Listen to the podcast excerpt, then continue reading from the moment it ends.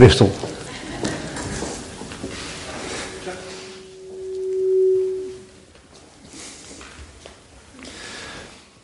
En jullie kijken naar het podium en denken: waarom heeft hij in vredesnaam een strijkijzer neergezet en wasmiddel?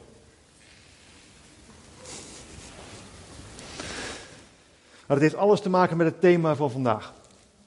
Daar kom ik straks nog wel op terug. Want jullie hebben natuurlijk al lang gezien wat de titel van de preek is. Een bruid zonder vlek of rimpel. En jullie hebben ook gehoord dat Daphne mij wel kent, zeg maar. En dat ze de preek ook wel uh, een beetje kent. Ik zie een hele hoop mensen. Een aantal daarvan zijn getrouwd. Kun je even teruggaan naar die dag dat je ging trouwen? Voor de mannen, dat je je bruid ging ophalen. Daar stond ze dan, hè? Op een mooist. Mooie kleren aan, schone kleren aan, geen kreukels die er niet in horen. Want ik weet ook wel dat je stoffen hebt waar juist een kreukje in moet zitten. Maar voor wie doet ze dat? Doet ze dat voor zichzelf? Een beetje. Een beetje. Maar eigenlijk doet ze het vooral voor die bruidegom. Zodat hij trots is op zijn bruid. Kun je je nog herinneren? Voor sommige mensen is het heel lang geleden, voor anderen nog niet zo gek lang geleden. En sommige mensen hebben het niet meegemaakt misschien. Maar je kunt je er misschien wel een voorstelling bij maken. Daar ga ik het over hebben vandaag. Want als kerk zijn wij de bruid van Jezus. Ik heb al één amen te pakken. Ik ga het hebben over heiliging. Want dat is in feite waar het om gaat. En als je terugdenkt aan de preek van Ina vorige week, dan hebben we daar ook gehoord dat we ons moeten voorbereiden op het feestmaal wat God voor ons aan het voorbereiden is. Daar moeten we klaar voor zijn. Onze feestkleren aantrekken.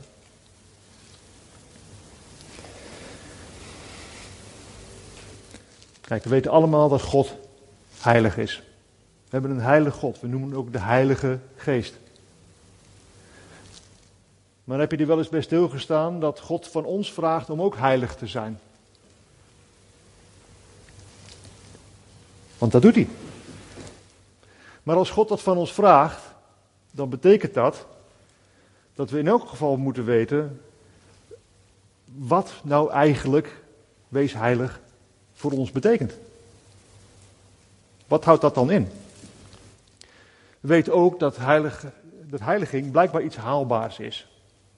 Want God vraagt van ons geen dingen die alleen Hij kan. En, zoals dat altijd gaat, als God een opdracht geeft, vraagt hij ook rekenschap van je. Uiteindelijk gaat hij je de vraag stellen: Heb jij gedaan wat ik van jou vroeg?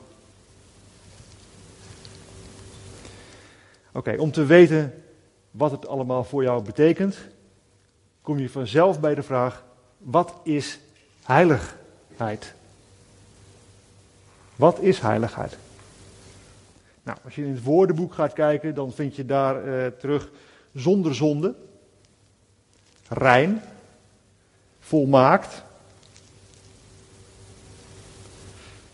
Dat zijn eigenlijk best wel stevige claims in het, in het uh, woordenboek. En als je de Bijbel erbij gaat pakken, dan zie je dat daar ook nog eens een keer bij komt, apart gezet voor God. Oké, maar blijkbaar vindt God het dus belangrijk dat wij een heilig leven gaan leiden. Maar waarom? Nou, 1 Petrus 1, vers 15 zegt hij, Petrus schrijft het dan, God heeft jullie geroepen om voor Hem te leven. God is heilig Daarom moeten jullie ook heilig leven in alles wat jullie doen. Ja, mooi verhaal, maar dan zeg je nog een keertje weer, je moet heilig leven, maar je vertelt niet waarom. Romeinen 12 staat, God is liefdevol en goed. Daarom moet ik, moedig ik jullie aan, broeders en zusters, om jezelf aan God te geven. Geef jezelf als een levend en heilig offer waar God blij mee is. Het is goed om God op die manier te dienen. Nou weet ik dat er mensen zijn die denken nu bij zichzelf, ja maar wacht even.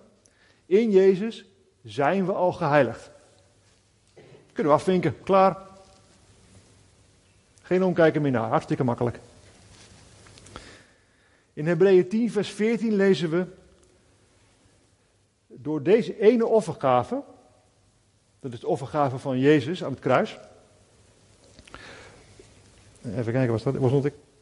Door deze ene offergave heeft hij hen die zich door hem laten heiligen, voor goed tot volmaaktheid gebracht. Die zich door hem laten heiligen. Dat staat er. Een proces dus. Je moet het wel doen. Je moet het wel laten gebeuren. 1 Petrus 2, vers 5. Daar staat. En jullie moeten je ook zelf laten gebruiken als levende stenen waarmee een geestelijk huis gebouwd wordt. Zo zijn jullie samen een heilig volk van priesters. Een volk wat geestelijke offers brengt, waar God blij mee is. Dankzij Jezus Christus. En Paulus is het daarmee eens. En die schrijft in de tweede Korinthebrief, hoofdstuk 6. Daarom moeten jullie anders zijn dan de ongelovigen, zegt de Heer. Doe niet langer met hen mee. Wees niet meer ongehoorzaam aan mij zoals zij dat zijn. Dan zal ik jullie als mijn kinderen aannemen. Dan zal ik jullie vader zijn.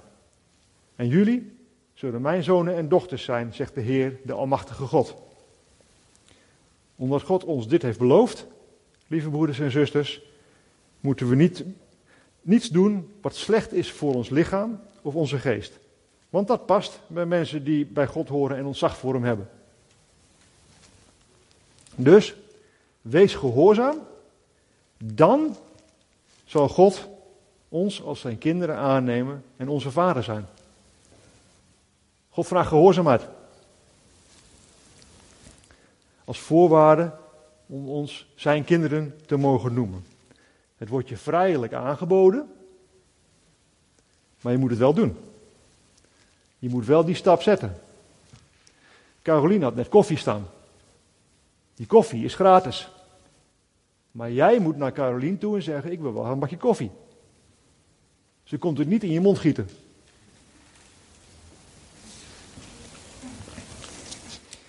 Jij moet die stap zetten. Alleen, wat ik tot nu toe genoemd heb, is steeds omdat het moet. Nou zijn jullie natuurlijk anders dan ik, maar ik doe liever geen dingen die ik moet doen. Ik doe dingen liever omdat ik ze zelf wil. Wat sterk is, uit innerlijke overtuiging, faalt nooit. Dat, is een, dat zijn woorden van een uh, verzetstrijder. En ik voeg daar nog aan toe, terwijl een opgelegde regel makkelijk wordt overtreden. En dat zien we eigenlijk gewoon terug vandaag de dag. Hè? Want we moeten er wel op gewezen worden dat je, dat je die anderhalve meter moet aanhouden, dat je je handen moet ontsmetten en dat soort dingen allemaal. Komt niet bij iedereen vanuit innerlijke overtuiging. Het komt bij de meeste mensen van ons, denk ik, omdat het moet. En als iemand ons daar niet aan helpt herinneren, dan vergeten we het en dan sta je toch weer schouder aan schouder. Soms met onbekenden. Het gaat dus om het willen. Maar waarom zou ik mijn leven willen heiligen? Nou, bijvoorbeeld als teken van dankbaarheid. Daarom hebben we hier het avondmaal ook klaarstaan.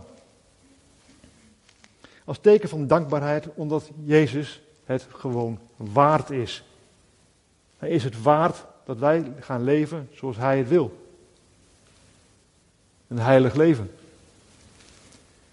Alleen al daarom.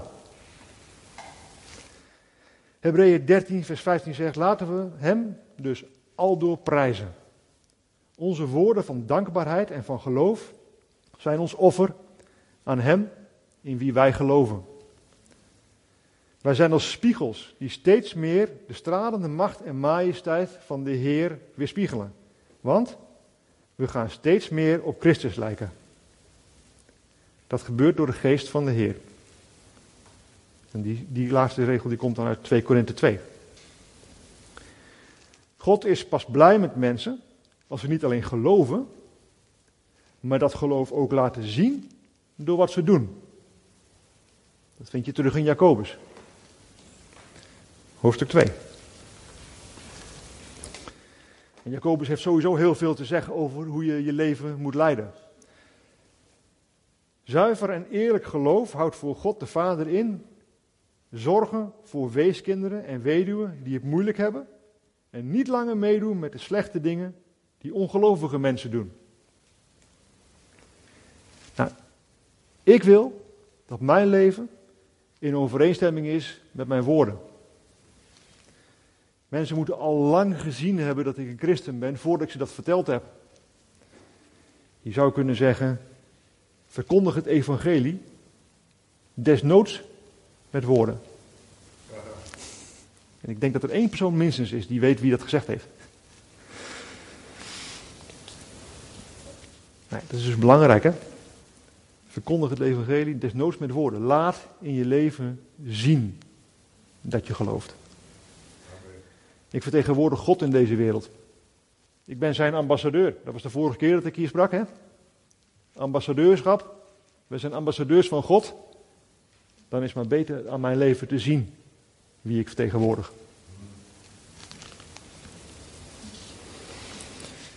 En daar komt dan nog bij dat als we in de Bijbel gaan kijken wanneer er opgeroepen wordt tot heiliging, en dat ook daadwerkelijk gebeurt, dan gaat dat altijd vooraf aan een grote daad van God. Altijd. De mensen moesten zich heiligen, het volk Israël moest zich heiligen voordat ze rondjes gingen lopen om Jericho heen. Ze moesten zich heiligen. En wat gebeurt er? Volkomen onlogisch. Mensen lopen een paar rondjes om een stad heen en de muren storten in. Dat gebeurt niet. Niet vanzelf. Dan doet God iets. Nou, zo zijn er veel meer voorbeelden waar God oproept tot heiliging. Dat wordt dan gedaan. En dan gaat God grote dingen doen. Oké, maar hoe moeten we dan heilig leven? Spreuken 4, vers 23 zegt: Bewaak je hart beter dan alle andere dingen, want in je hart is de bron van het leven. Je moet dus zorgen dat er geen verkeerde dingen in je hart komen. Je moet ervoor zorgen dat je hart gevuld wordt met het goede. Alles wat God in de Bijbel heeft laten opschrijven is nuttig. Kan de mensen iets leren. Het beschermt hen tegen verkeerd onderwijs over het geloof. En het helpt met opvoeden tot een leven zoals God het wil. Er zijn heel veel dingen waarvan we weten dat ze verkeerd zijn. Zou er een lijstje zijn met dingen waar we speciale aandacht aan moeten geven? Nou, Spreuken heeft daar wel een mooi antwoord op. Spreuken 6, daar staat, de volgende zes dingen haat de Heere. Nee, zelfs zeven vindt hij walgelijk. Ogen die trots kijken. Een tong die liegt. Handen die onschuldige mensen doden. Een hart vol kwaad. Voeten die zich naar een misdaad haasten. Mensen die liegen in een rechtszaak. En mensen die ruzies uitlokken tussen broers en zussen. Oud Testament. Ja. Is dat dan nog van toepassing op ons? Ja. Want als we gaan kijken naar de bergreden, een stuk waar uh, Jezus wat onderwijs geeft, terwijl hij op een berg zat, volk om hem heen. Daar zien wij dat Jezus hele bijzondere woorden uitspreekt. Jullie hebben gehoord dat tegen onze voorouders is gezegd: je mag niemand doden. En ook als je een ander doodt, ben je schuldig en zul je door de rechtbank gestraft worden. Maar ik zeg jullie, als je kwaad blijft op iemand, ben je schuldig. Je zal door de rechtbank gestraft worden. Als je iemand voor sukkel uitscheldt, ben je schuldig. Je zal voor de Hoge Raad komen. En als je iemand voor dwaas uitscheldt, zul je in de hel terechtkomen. En iets verderop. Jullie hebben gehoord dat er in de boeken tegen onze voorouders wordt gezegd dat je niet ontrouw mag zijn aan je vrouw. Dus dat je niet met een andere vrouw naar bed mag gaan. Maar ik zeg jullie, als je naar een andere vrouw kijkt en denkt, ik zou best eens met haar naar bed willen, ben je in gedachten al ontrouw aan je vrouw geweest. Jezus scherpt dus de wet nog wat aan. Je komt er niet mee weg door te zeggen, ja, ik heb daar wel aan gedacht, maar ik heb het nooit gedaan. Jezus noemt jou dan net zo schuldig als wanneer je je gedachten in praktijk gebracht hebt.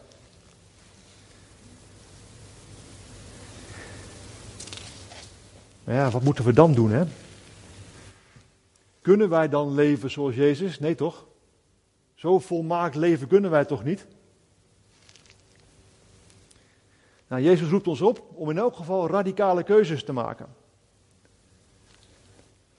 Hele radicale keuzes. Hij heeft het over het uitdrukken van ogen, het afhakken van handen. En dat bedoelt hij niet letterlijk. Je hoeft niet letterlijk je oog uit je, uit je hoofd te rukken.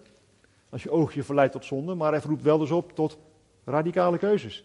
Verleidingen moet je zoveel mogelijk uit de weg gaan. En als dat niet kan, dan geldt dat alles wat in de weg staat om God werkelijk te leren kennen, dan kunnen we als het ware gevangen nemen. Alle verkeerde gedachten, redeneringen en ideeën. En daarna kunnen we die gehoorzaam maken aan Christus. Maar wat betekent dat? Nou, als wij onze gedachten gehoorzaam moeten maken aan Jezus, betekent dat dus dat we moeten zorgen dat de gedachten in overeenstemming komen met de gedachten van Jezus. We zetten waarheid tegenover leugen. We beleiden onze zonden naar Jezus en naar onze medegelovigen. En wil natuurlijk niet zeggen dat jij alles wat je verkeerd gedaan hebt zomaar aan iedereen in de gemeente moet vertellen. Dat staat er niet, hè? Dat zeggen we niet. Je moet daar gerust met wijsheid mee omgaan. Maar je zonde beleiden is wel belangrijk.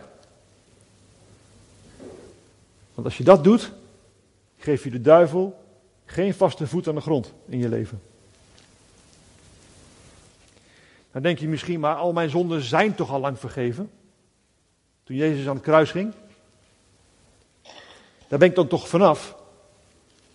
Nou, dat klopt voor een deel. Je hebt vergeving gekregen op het moment dat jij tot geloof kwam. Dat moment heb jij vergeving gekregen voor al je zonden tot op dat moment. Het is essentieel om zonden van nu zoveel mogelijk, zo snel mogelijk te beleiden en om vergeving te vragen. Dan krijg je die, die vergeving wel, maar je moet wel weer die stap zetten. Kijk, Gods genade is voor iedereen. Voor iedereen. Het bloed van Jezus was alles weg. Maar beleiden van de zonde en de noodzaak van vergeving is essentieel, ook misschien wel juist voor de zonde van nu. 1 Johannes 1 zegt in vers 9, maar als we het aan God vertellen, als we verkeerd hebben gedaan, en Hem om vergeving vragen, dan vergeeft Hij ons. Dan wast Hij ons weer schoon van elke ongehoorzaamheid, zoals Hij heeft beloofd. Want Hij doet altijd wat hij heeft gezegd. Dat is een brief die Johannes schreef aan gelovigen. Het is geen preek die hij op een hoek van de straat houdt. Een brief aan gelovigen. Jacobus die schreef ook aan gelovigen en die schrijft: Vertel het daarom aan iemand als je ongehoorzaam aan God bent geweest. En bid voor elkaar, want dan kunnen jullie genezen worden. Als iemand leeft zoals God het wil, heeft zijn gebed veel kracht en dus groot resultaat. Jacobus die koppelt dat zelfs aan de mogelijkheid, aan de, kracht van je gebed, met name voor genezing. Als je dat stukje verder doorleest, dan zie je dat het gaat om genezing in dit geval. Maar je moet je zonde dus beleiden. En dat is knap lastig. Want de zonde van je stad beleiden, dat gaat nog wel hè. De zonde van je land beleiden, is niet zo'n probleem. Maar je eigen zonde, je eigen zonde beleiden, dat is heel wat anders. Een stuk moeilijker. Ja, allemaal leuk en aardig, maar uh, ik steel niet. Ik moord niet. Ik pleeg geen overspel. Ik niet. Ik ben beter dan zij die dat wel doen. Maar zijn mensen die hebben, dat zie ik zo, die hebben het al door. Is dat geen trots? Ogen die trots kijken. Het gaat niet over die knikkers in je hoofd. En hoe zit het met de, de aanschepping van de wet door Jezus? Komen we er dan mee weg? Als ik iemand zwart betaal voor een klusje in huis, is dat niet in feite stelen? Als ik iets hou, wat ik van iemand anders geleend heb, omdat die ander er niet meer naar vraagt, is dat dan niet in feite stelen? Ja, een leugentje om best wil, dat moet toch kunnen? Oh? Moet het dan altijd eerlijk zijn? Moet ik, dan de gevoelens van mensen kwetsen?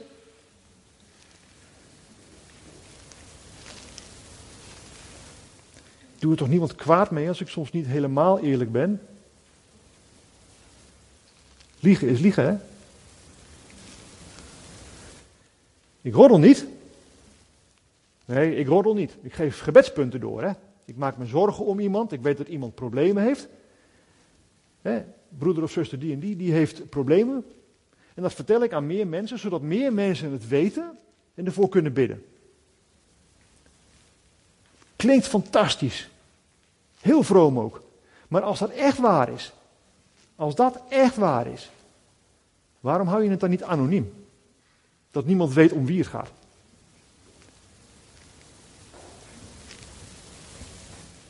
Waarom moet er dan een naam bij of moet je het zo vertellen dat iemand toch wel weet om wie het gaat? Ja, ik ben boos, dat klopt. Maar het is toch terecht als je eens wist wat die en die mij heeft aangedaan. Maar hoe zit het dan met vergeving? Ik pleeg geen overspel. Tuurlijk niet. Maar die persoon ziet er wel heel appetijtelijk uit. En doet er toch niemand kwaad mee als ik zo een beetje verlekkerd naar die persoon kijk. De meeste mensen weten het niet eens, hebben het niet in de gaten. Maar Jezus zegt, als je naar iemand kijkt, ben je in gedachten al ontrouw geweest. En wat geldt voor naar vrouwen kijken, geldt natuurlijk net zo goed voor naar mannen kijken. het is belangrijk dat we zodra we merken dat er zonde of uh, verleiding in je leven uh, binnengekomen is, dat we onmiddellijk berouw tonen. Dat we ons bekeren. Dat we vergeving vragen. Doe je dat niet, dan stapelt het zich op. Steeds meer en meer en meer en meer. Kijk, Daphne en ik zijn uh, een poosje geleden begonnen aan het opruimen van ons huis. We wonen daar nu zo'n twintig jaar en ik weet niet of jullie dat herkennen, maar laat ik het zo zeggen, je verzamelt een hele hoop rommel. Mensen die net verhuisd zijn weten daar ook alles van. Het heeft zich allemaal opgestapeld in die jaren dat wij daar wonen. En zo is het eigenlijk ook met de zonde.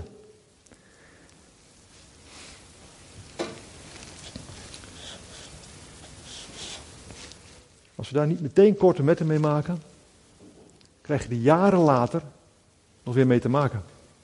Krijg je er weer last van. Loop je jaren later nog rond met de gevolgen van een zonde, terwijl dat helemaal niet nodig was.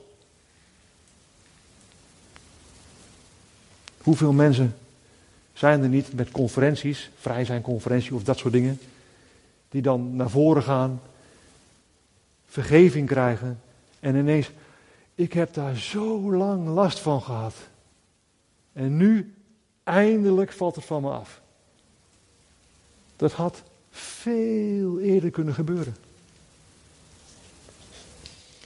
In Hooglied 2 staat, ga voor ons de vossen vangen.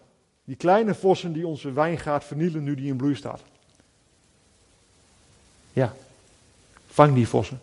Die kleine vosjes. Vang ze voordat ze de hele wijngaard en de oogst die er gepland was voor die wijngaard vernielen. En die vosjes zelf grote vossen worden, die veel moeilijker te vangen zijn en zich voortplanten. Als je zo op een kritische manier naar je leven gaat kijken, dan word je er steeds meer bewust van dat je heel zondig bent. Niet alleen maar wat je doet, maar wat je bent. Laat ik eens uh, proberen uit te leggen met een voorbeeld. Als je aan het einde van de dag zo eens terugkijkt op wat je die dag zoal gedaan hebt, dan ontdek je misschien dat je allerlei dingen verkeerd gedaan hebt ook. En dat, ehm, dat, misschien zijn veel van die dingen ook wel dat die te maken hebben met wat je andere mensen hebt aangedaan. je bent uitgevallen tegen iemand, of je hebt lopen mokken of zo. En het excuus wat je dan, uh, wat dan meestal dan gelijk naar voren komt, is: ja, het ging ook zo snel allemaal. Ik werd er gewoon compleet door verrast. Die persoon zei iets of deed, er gebeurde wat. En het was zo plotseling, zo snel. Even niet opletten en boem. Je had niet de tijd om je in te houden. Kijk, dat is dan niet gepland. Het is altijd beter natuurlijk dan een wel zo geplande reactie, hè? Maar toch. Maar toch. Wat iemand doet die niet oplet. Dat laat zien dat er in die persoon leeft.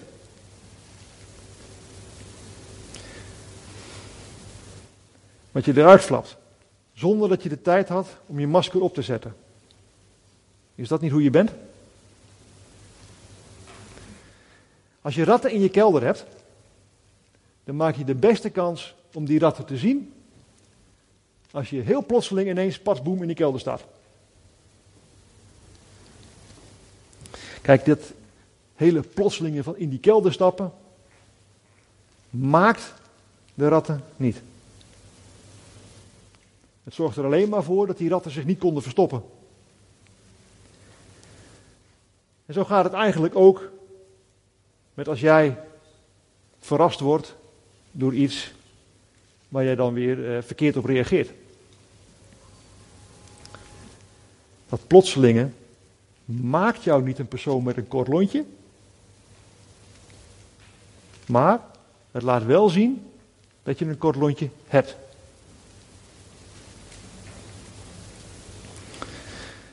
De ratten waren altijd al in je kelder. Maar als jij daar steeds lawaaierig en schreeuwend naar binnen gaat, dan zijn die ratten al weg voordat jij de lamp ook maar hebt aangedaan. Dan denk je misschien, ja wacht even, dat is allemaal wel mooi. Maar je zei straks nog dat heilig leven haalbaar was en bereikbaar voor ons. Dit kan helemaal niet. Dit kunnen wij niet. Onbereikbaar voor ons. En dat klopt. Paulus zegt het ook. Wat een vreselijke toestand. Wie kan mij bevrijden van dit ik waar het kwaad in woont dat mij doodt? Prijs God. Jezus Christus. Hij kan dat. En hij doet dat ook. We staan er niet alleen voor. God wil ons helpen om te leven zoals hij dat wil.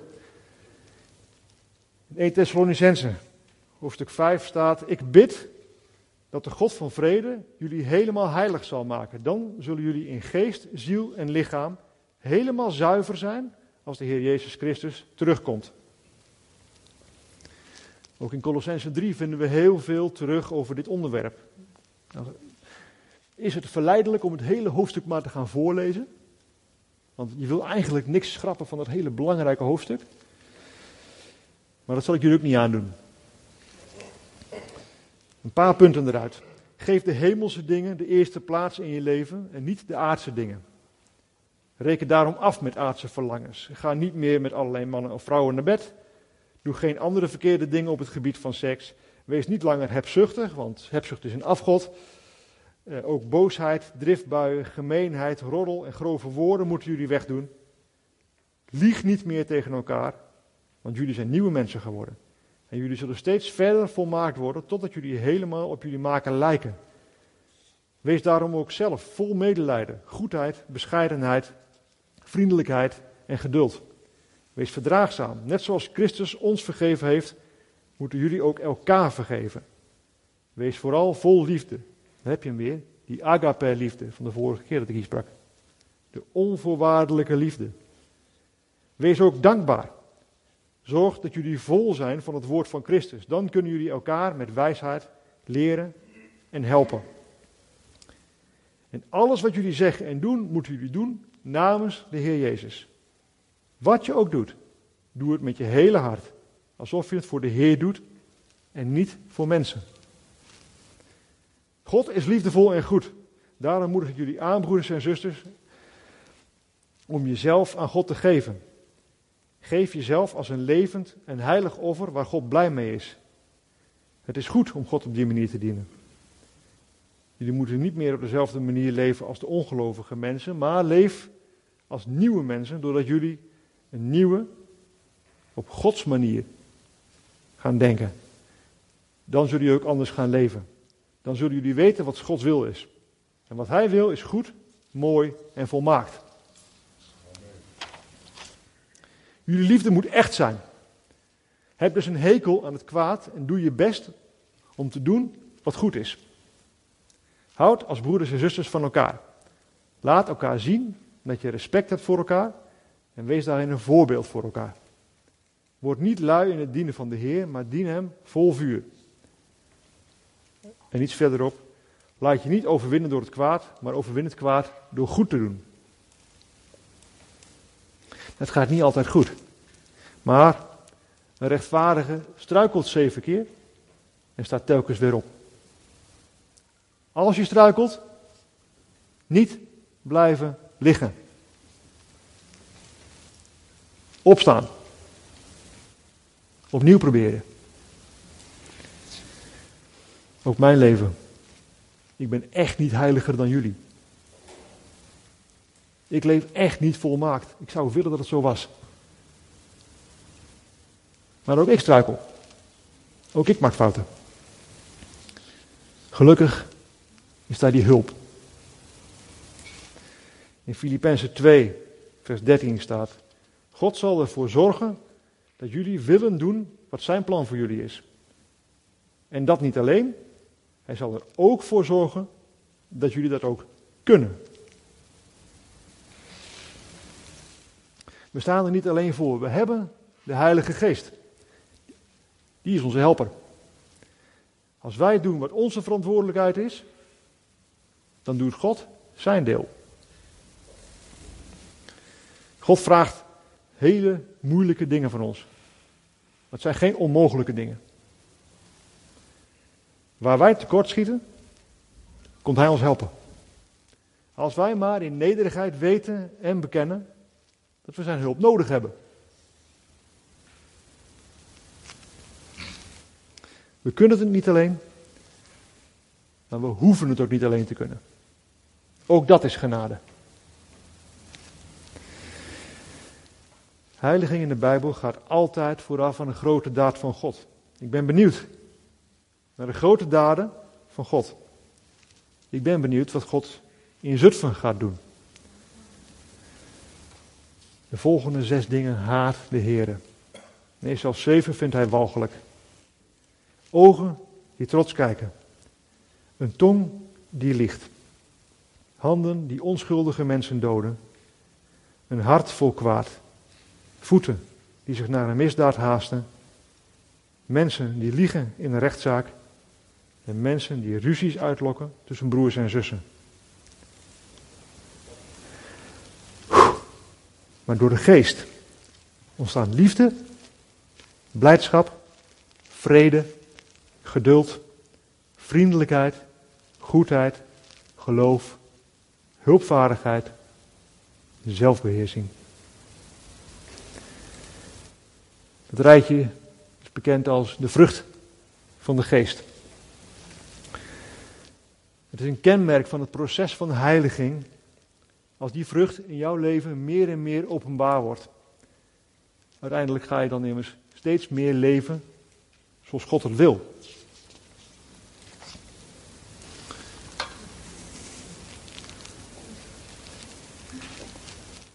Want niemand mag een ander fundament leggen dan dat er al ligt. Want dat fundament is Jezus Christus. Later zal vanzelf duidelijk worden hoe iedereen op dit fundament verder heeft gebouwd. Als je goed gebouwd hebt, is dat te vergelijken met goud, zilver en edelstenen. Als je slecht gebouwd hebt, is dat te vergelijken met hout, hooi en stro. Of je goed of slecht hebt gebouwd, zal te zien zijn op de laatste dag. Want die dag komt met vuur. En het vuur zal duidelijk maken waarmee je is gebouwd. Als je slecht gebouwd hebt. Wacht, die had ik gehad. Als het bouwwerk dat je op het fundament hebt gebouwd blijft staan, zul je van de Heer een beloning krijgen. Maar als het afbrandt, zul je geen beloning krijgen. Je zal wel zelf gered worden, maar het zal zijn alsof je door het vuur bent gegaan. Vergeet niet dat jullie de tempel van God zijn. In die tempel woont Gods geest. Als iemand de tempel van God kwaad doet, zal God hem kwaad doen. Want de tempel van God is heilig. Jullie zijn die heilige tempel. Heiliging is dus geen voorwaarde voor je redding, maar het is vrucht van je redding.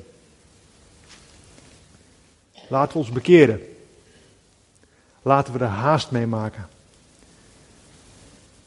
Stel niet uit, je weet niet hoe lang je nog hebt. Als we naar het journaal kijken, nou, als we naar het nieuws kijken, dan zien we wat voor waanzin deze wereld geworden is. Dan zien we wat ik dan zie als tekenen van het einde van de tijden. Het kan niet lang meer duren. Hij staat op de drempel met de deurklink in de hand. De deur staat al op een kier. Jezus komt eraan. Nu hebben we nog tijd om vlekken uit onze kleren te wassen. Om kreukels glad te strijken. Nu kan het nog. Laten we daar ernst mee maken. Ga waar jij nu bent, op je knieën. Beleid je zonde aan God. Vraag vergeving. Wijd je voor het eerst of opnieuw toe aan God. Vraag om Zijn hulp om heilig te leven. Om te leven zoals Hij dat wil. Het is belangrijk dat je daarvoor tijd met Hem doorbrengt. Tijd in Zijn aanwezigheid. Zoals een bruid tijd aan haar bruidegom besteedt. Maar laten we niet, elkaar niet voor de gek houden. Als een bruid helemaal geen aandacht en tijd aan haar bruidegom besteedt, vinden we dat met z'n allen heel vreemd. Jullie zijn getrouwd, net getrouwd of jullie gaan zo trouwen en je hebt geen oog voor hem? Dat is raar. Weet je wel zeker dat je met hem wilt trouwen dan? Wij zijn de bruid. Laten we doen wat we kunnen om een bruid te zijn zonder vlekken of rimpels. Ik heb het al een paar keer gezegd, heiliging in de Bijbel gaat altijd vooraf aan de grote daad van God. En ik ben heel benieuwd naar de grote daden van God. Hier in Zutphen. Dank jullie wel.